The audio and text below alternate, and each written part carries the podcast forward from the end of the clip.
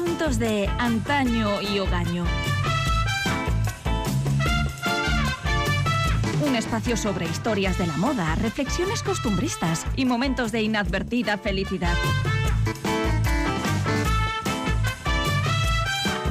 Adereza Edurne Baz.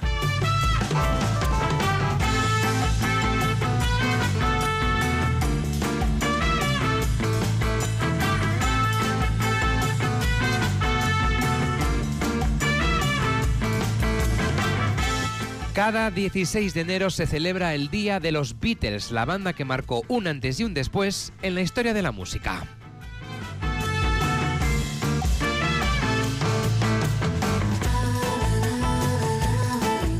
Esta fecha coincide con la inauguración en 1957 del Cavern Club, el ya mítico local en el que empezó a actuar el cuarteto de Liverpool. Otros seguidores prefieren conmemorar el Día de los Beatles el 6 de julio, fecha en la que se conocieron John Lennon y Paul McCartney. Incluso los hay que apuestan por el 10 de julio, coincidiendo con el regreso triunfal de la banda tras su exitosa gira por Estados Unidos en 1964. Edurne Baz, hola, ¿qué tal? Hola, muy bien. Pero es que además este año se cumple otra efeméride. Si este 2022 se cumplen 60 años de la formación del grupo definitivo, ya con el nombre que se ha convertido en logo de culto y con los miembros que han pasado a la historia, Paul McCartney, John Lennon, George Harrison y Ringo Starr. Sea cual sea la efeméride elegida como excusa, no faltan nunca los motivos para recordar aquellos cuatro jóvenes, casi niños, que provocaron un fenómeno planetario sin precedentes, la popularidad mundial que alcanzaron, la enfervorecida reacción que provocaban su devoto público, su innegable influencia en los hábitos y aspiraciones de su generación y su conversión en indiscutibles y atemporales iconos de la cultura popular fue algo de unas dimensiones nunca vistas hasta la fecha y que a punto estuvo de llevárselos a ellos mismos por delante.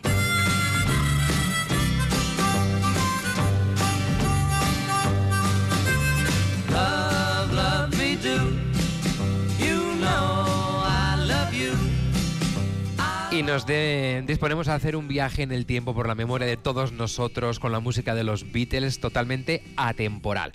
Vamos a situarnos en 1962. Cuatro adolescentes británicos que ya habían militado por su cuenta en otros grupos musicales dieron forma a la banda comercialmente más exitosa y más elogiada por la crítica de la historia de la música popular y de la música rock. Ahí es nada. Exactamente, The Quarrymen, un grupo formado, fundado por un jovencísimo John Lennon, al que se uniría Paul McCartney y más tarde George Harrison, fue la semilla, digamos, de la que acabó brotando varias idas y venidas de miembros después, la definitiva y hoy histórica banda. Incapaces de imaginar aún el colosal impacto cultural que acabarían teniendo, echaron a andar, rebautizados ya como The Beatles, y con los cuatro integrantes que se convertirían en el rostro de un fenómeno mundial sin precedentes. Paul McCartney, John Lennon, George Harrison y Ringo Starr. Comenzaron así a actuar en pequeños locales de Liverpool, como el hoy icónico y además eh, reverenciado Cavern Club que mencionábamos. Exactamente, y en aquellas primeras actuaciones, antes incluso de la incorporación de Ringo Starr, los descubrió Brian Epstein, que no solo se convirtió en su primer representante oficial, sino que con frecuencia es definido como el quinto Beatle por la importancia vital que su labor tuvo en el éxito de la banda y en intentar mantener centrados a aquellos enérgicos jóvenes. A él le deben en parte la elección de su primera y recordada imagen grupal. John Lennon contó al respecto, solíamos vestir como nos gustaba, dentro y fuera del escenario. Epstein nos decía que los pantalones vaqueros no eran especialmente elegantes y que deberíamos considerar la posibilidad de usar pantalones más adecuados. Bueno, pues aquellos adolescentes visitaron entonces a un sastre que confeccionó para ellos el que se iba a convertir en su primer y recordado uniforme colectivo, ese de estilo mod, a juego con su no menos afamado corte de pelo, estilo Beatle, que por aquel entonces era considerado un auténtico escándalo entre los adultos, pero que, claro, encantó a los jóvenes hambrientos de modernidad.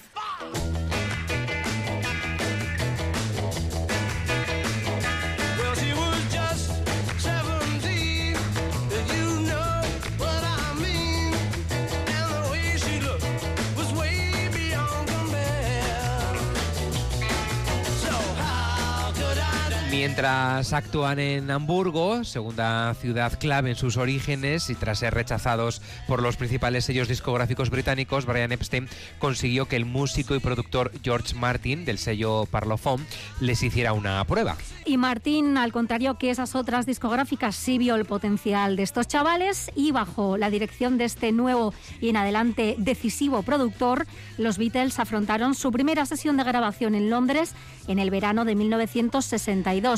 De ella salieron temas tan memorables como el Love Me Do, que escuchábamos hace un momento, y la incorporación definitiva, al parecer instigada por el propio Martin, de Ringo Starr como batería definitivo. La banda estaba lista para dar a conocer al mundo su primer álbum de estudio, Please Please Me, que salió al mercado en 1963. Para entonces ya eran bastante conocidos en el Reino Unido debido a sus actuaciones en The Cavern, pero es que además en octubre de 1962, como parte de la promoción de sus primeros sencillos, actuaron en vivo por primera vez en televisión. Su popularidad creció de forma imparable y ya empezaba a ser palpable en el ambiente la Vitelmanía, que pronto estallaría a lo bestia para asombro y asfixia de los propios implicados. Estaban más que listos para conquistar América.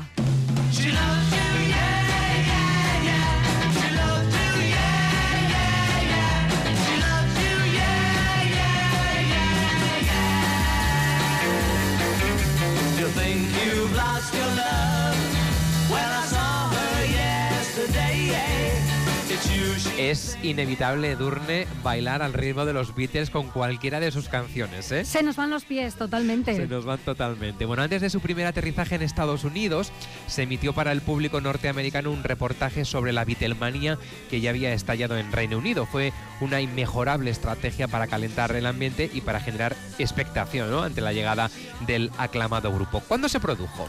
El 7 de febrero de 1964 aterrizaron en el Aeropuerto Internacional John Fitzgerald Kennedy y para su sorpresa allí ya les esperaba una multitud enfervorecida.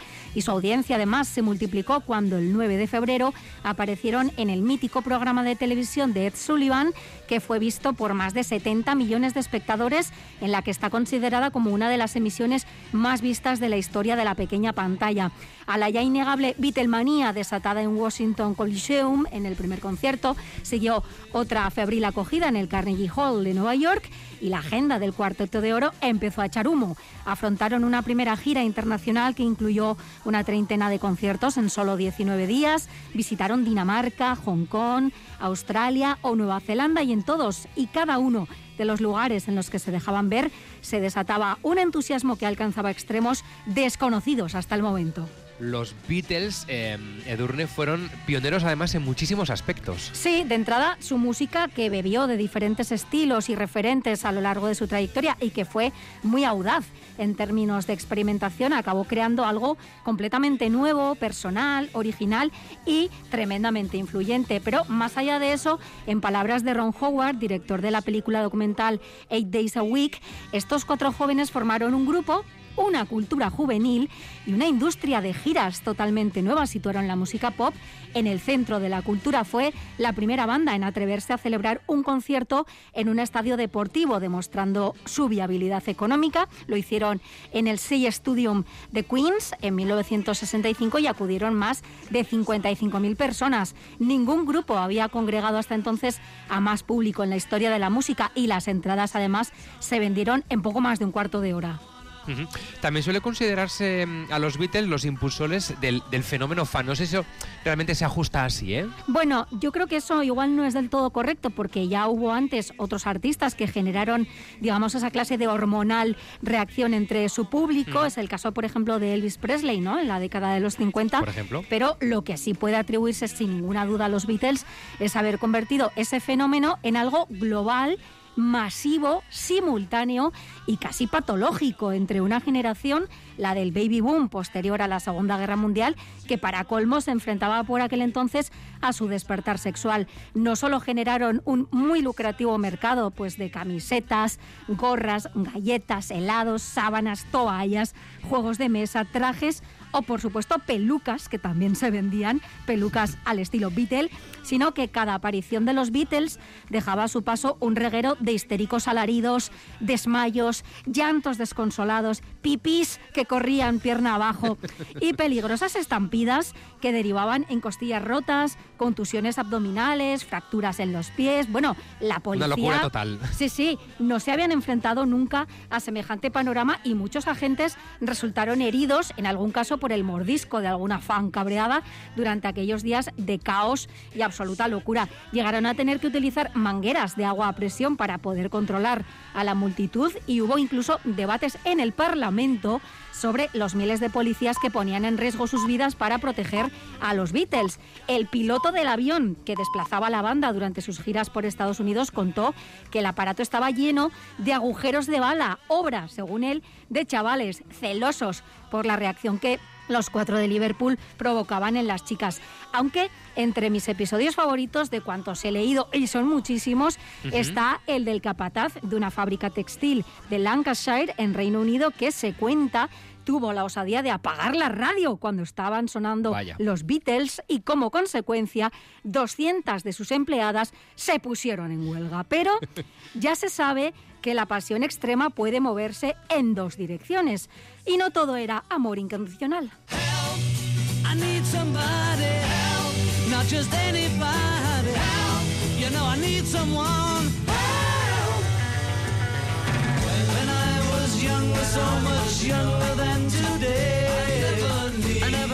En Asuntos de Antaño y Hogaño estamos repasando la vida de los Beatles porque hoy se celebra su Día Mundial.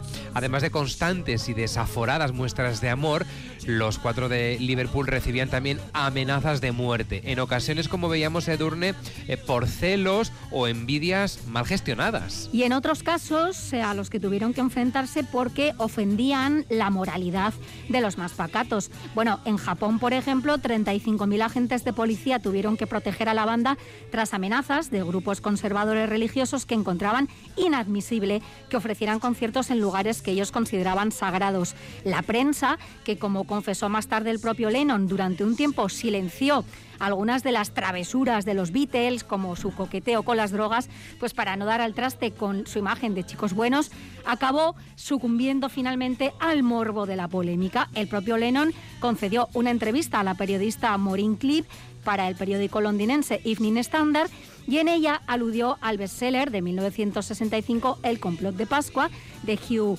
J. Sconfield e hizo una reflexión que a posteriori le trajo muchísimos problemas y que mal citada pasaría a la historia. Él dijo, el cristianismo irá cayendo en picado y acabará desapareciendo. Es algo indiscutible. Sé que estoy en lo cierto y se acabará demostrando. No sé qué desaparecerá antes, si el rock and roll o el cristianismo. Claro, aquello o aquellas declaraciones no trascendieron demasiado en el Reino Unido de aquel momento. Bueno, entonces allí pasaron más o menos desapercibidas, pero unos meses más tarde, con motivo de una de sus giras por Estados Unidos, la revista norteamericana Datebook recuperó aquella entrevista y publicó en su portada, a modo de titular, esa ya hoy célebre y descontextualizada frase, somos más famosos que Jesucristo.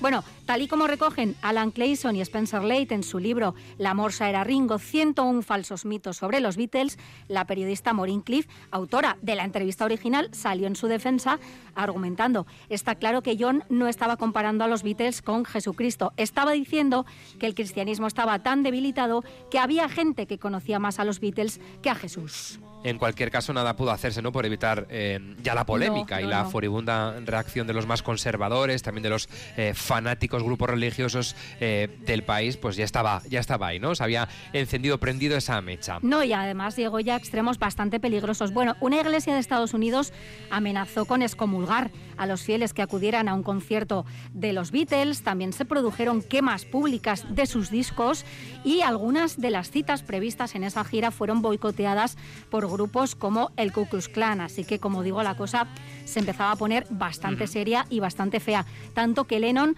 tuvo que pedir disculpas en una rueda de prensa ofrecida en agosto de 1966. Y bueno, lo hizo, pero un poco a regañadientes. Dijo, me disculparé si eso os hace felices, aunque todavía no entiendo muy bien qué es lo que he hecho mal. He intentado explicar qué fue realmente lo que dije, pero si queréis que me disculpe, si estaréis más contentos así, entonces vale, lo siento. Y como remate, aprovecho para criticar la actuación política de Estados Unidos en Vietnam. Ahí lo lleváis.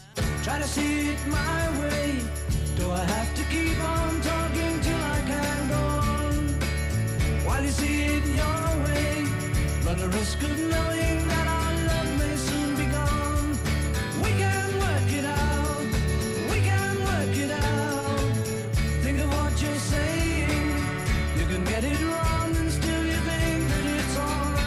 Escuchando todos estos temas eh, que vamos poniendo a lo largo de la sección de los Beatles, es que no hay ni uno que se nos escape, quiero decir, eh, que todos eh, más o menos recordamos canciones de los Beatles, ¿no? Os podemos nombrar más de una y de dos y de tres. Sí, sí, yo creo que todos tarareamos las canciones de los Beatles, incluso aunque hay a veces que alguna de ellas no la reconozcamos a priori como de los Beatles, porque se han hecho muchas versiones posteriores que nos pueden Sí. confundir, pero sí, desde luego, la aportación musical de los Beatles a, a la historia de la música es indiscutible. Bueno, estamos hablando de las polémicas en torno a las palabras o declaraciones de algunos miembros de los Beatles. Eh, no fue esta última que contabas la única a la que tuvieron que enfrentarse durante aquellos años ¿no? de máxima locura. ¿Qué otras polémicas suscitaron los Beatles? Pues, por ejemplo, tuvieron que renunciar a la portada de uno de sus discos, en el que se incluía esta canción que escuchamos de fondo, porque la imagen que mostraban en ella, vestidos de carniceros y rodeados de piezas de carne y muñecas de plástico mutiladas, era más de lo que las sensibles almas estadounidenses del momento podían soportar. Se hicieron ahí apaños para prescindir de esa portada, pero hay que decir que a día de hoy también es una de las más codiciadas entre los coleccionistas, porque estar está. Estar está. Bueno, todos los momentos también más delicados que vivieron los Beatles se produjo en 1966. Eh, estamos hablando de una visita que hicieron a Filipinas. ¿Qué ocurrió exactamente en ese país y por qué fue tan eh, delicada eh, o delicado ese viaje? Bueno, Imelda Marcos, la esposa del dictador, invitó a los Beatles a un desayuno privado, que bueno, por privado que fuera, ella lo anunció a bombo y platillo y entonces había muchísima expectación con este asunto. Pero el representante de la banda declinó amablemente la oferta, argumentando que los chicos estaban durmiendo porque iban a coger un vuelo de regreso a Inglaterra esa misma mañana. Bueno, aquel fue un desaire que, como imaginaréis, los Marcos no estaban acostumbrados a experimentar. Así que mientras los Beatles actuaban, los medios de comunicación locales informaron de aquella afrenta al orgullo nacional, al tiempo que se les retiró la protección policial. Y claro, vivieron un auténtico infierno. En el aeropuerto de Manila recibieron golpes, patadas y escupitajos de una muchedumbre enfurecida. Algunos fueron apuntados incluso con armas y empezaron a sentir o más bien a confirmar que ya estaban un poco cansados de toda esa locura. George Harrison diría años después, por supuesto que al principio queríamos la fama y todo lo demás, pero muy poco tiempo después empezamos a pensárnoslo dos veces. Tras desaparecer la emoción inicial, por mi parte, yo me deprimí. ¿Es esto todo lo que nos espera en la vida? ¿Ser perseguidos por una multitud de lunáticos aulladores desde una mierdosa habitación de hotel hasta la siguiente? Here comes the sun. I say it's alright.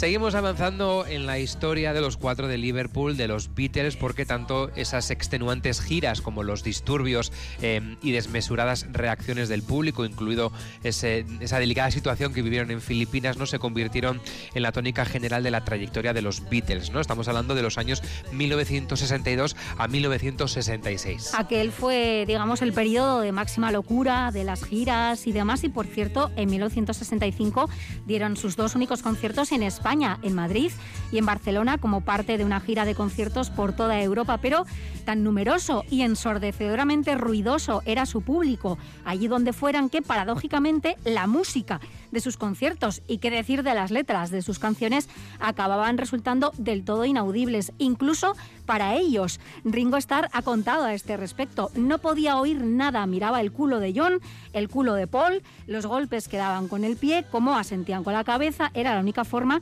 que tenía de saber por dónde íbamos en la canción. Ellos no escuchaban nada y por supuesto el público tampoco. Y también ¿eh? ha confesado el propio Ringo Starr.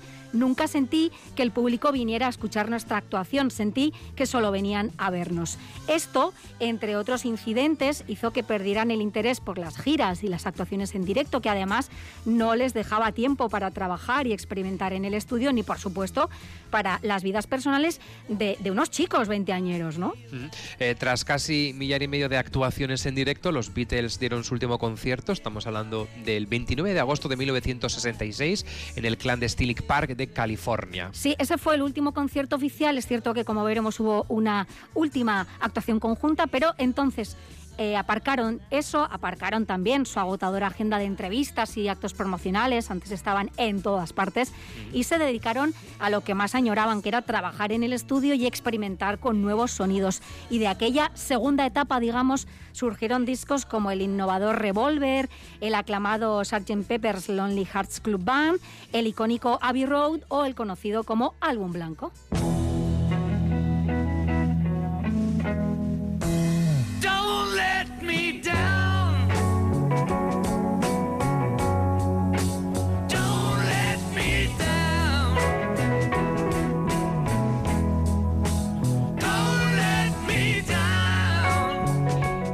Sin duda, si abordamos la historia de los Beatles, eh, tenemos que abordar el capítulo de su final, ¿no? Y las enormes y numerosas teorías que se han dado en torno a la separación de los Beatles, que se produjo formalmente y oficialmente el 10 de abril de 1970. De hecho, no faltan ni las acusaciones cruzadas, eh, teorías eh, de todo tipo sobre la responsabilidad de tal drama, en fin, es un capítulo que hay que abordar también. Sí, bueno, ya sabemos que si las tensiones y conflictos entre sus miembros eran ya insostenibles, que si Paul McCartney y John Lennon ya no se soportaban, que si cada cual quería seguir su propio camino o probar su propia música, que si la culpa de todo la tiene Yoko Ono, estas cosas, ¿no? Y la verdad, como suele ocurrir, la conocen solo los directamente implicados, aunque probablemente se diera una mezcla de todo lo anterior y alguna cosa más. Atrás quedaban ocho años de intensa y fecunda actividad, una decena de álbumes de estudio, innumerables actuaciones en directo, incluido, claro está, ese último y memorable recital conjunto que dieron en la azotea de sus oficinas londinenses aquel ya histórico mediodía del 30 de enero de 1969. Quedan también las películas como A Hard Day's Night, Help o Yellow Submarine, documentales como Let It Be, Eight Days a Week o el recientemente estrenado Get Back, dirigido por Peter Jackson y que muestra ya el último año de trabajo conjunto de la banda. Bueno, también tenemos que hablar, por supuesto, de toda clase de fascinantes mitos y leyendas en torno a los Beatles. Pues eh, fijaos, hay hasta libros, ¿no? Como ese que hemos mencionado del amor Sara Ringo, 101 mitos falsos sobre los Beatles. Será por teorías y leyendas. Entre las más célebres, las alusivas a los supuestos mensajes ocultos en las letras de sus canciones. Bueno, ha habido gente allí con la lupa buscando eh, lo que probablemente nunca existió, ¿no? La influencia que el tema Helter Skelter tuvo en la familia Manson a la hora de cometer sus atroces crímenes o, cómo no, la teoría que sostiene que Paul McCartney murió en un accidente de tráfico el 9 de noviembre de 1966 y que el hombre que hemos visto desde entonces no es sino un doble. La muerte de John Lennon no forma parte, por desgracia, de este capítulo legendario. Esta fue real, murió tiroteado en 1980 a las puertas de su casa en Nueva York por Mark David Chapman, un desequilibrado fanático, y George Harrison también murió en 2001, en este caso víctima del cáncer. Resulta del todo imposible resumir la historia y el legado de la que es sin ninguna duda una de las bandas musicales más grandes, influyentes y con mayor impacto cultural de todos los tiempos. Como broche anecdótico, si os contaré que la palabra Beatlemanía entró oficialmente en el diccionario de la lengua española en 2019. Y eso, por tarde que llegara, porque un poquito sí le ha costado, pues ya resulta, creo yo, más que revelador, ¿no?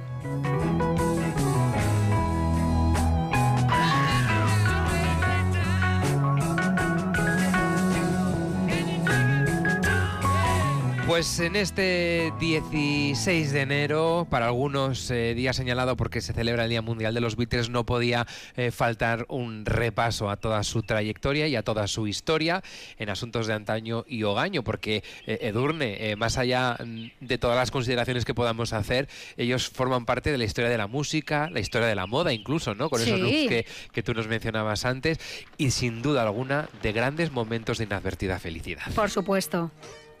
Edurne, hace un auténtico placer, es que ricasco y buen fin de semana. Eso regatica Gur. Agur.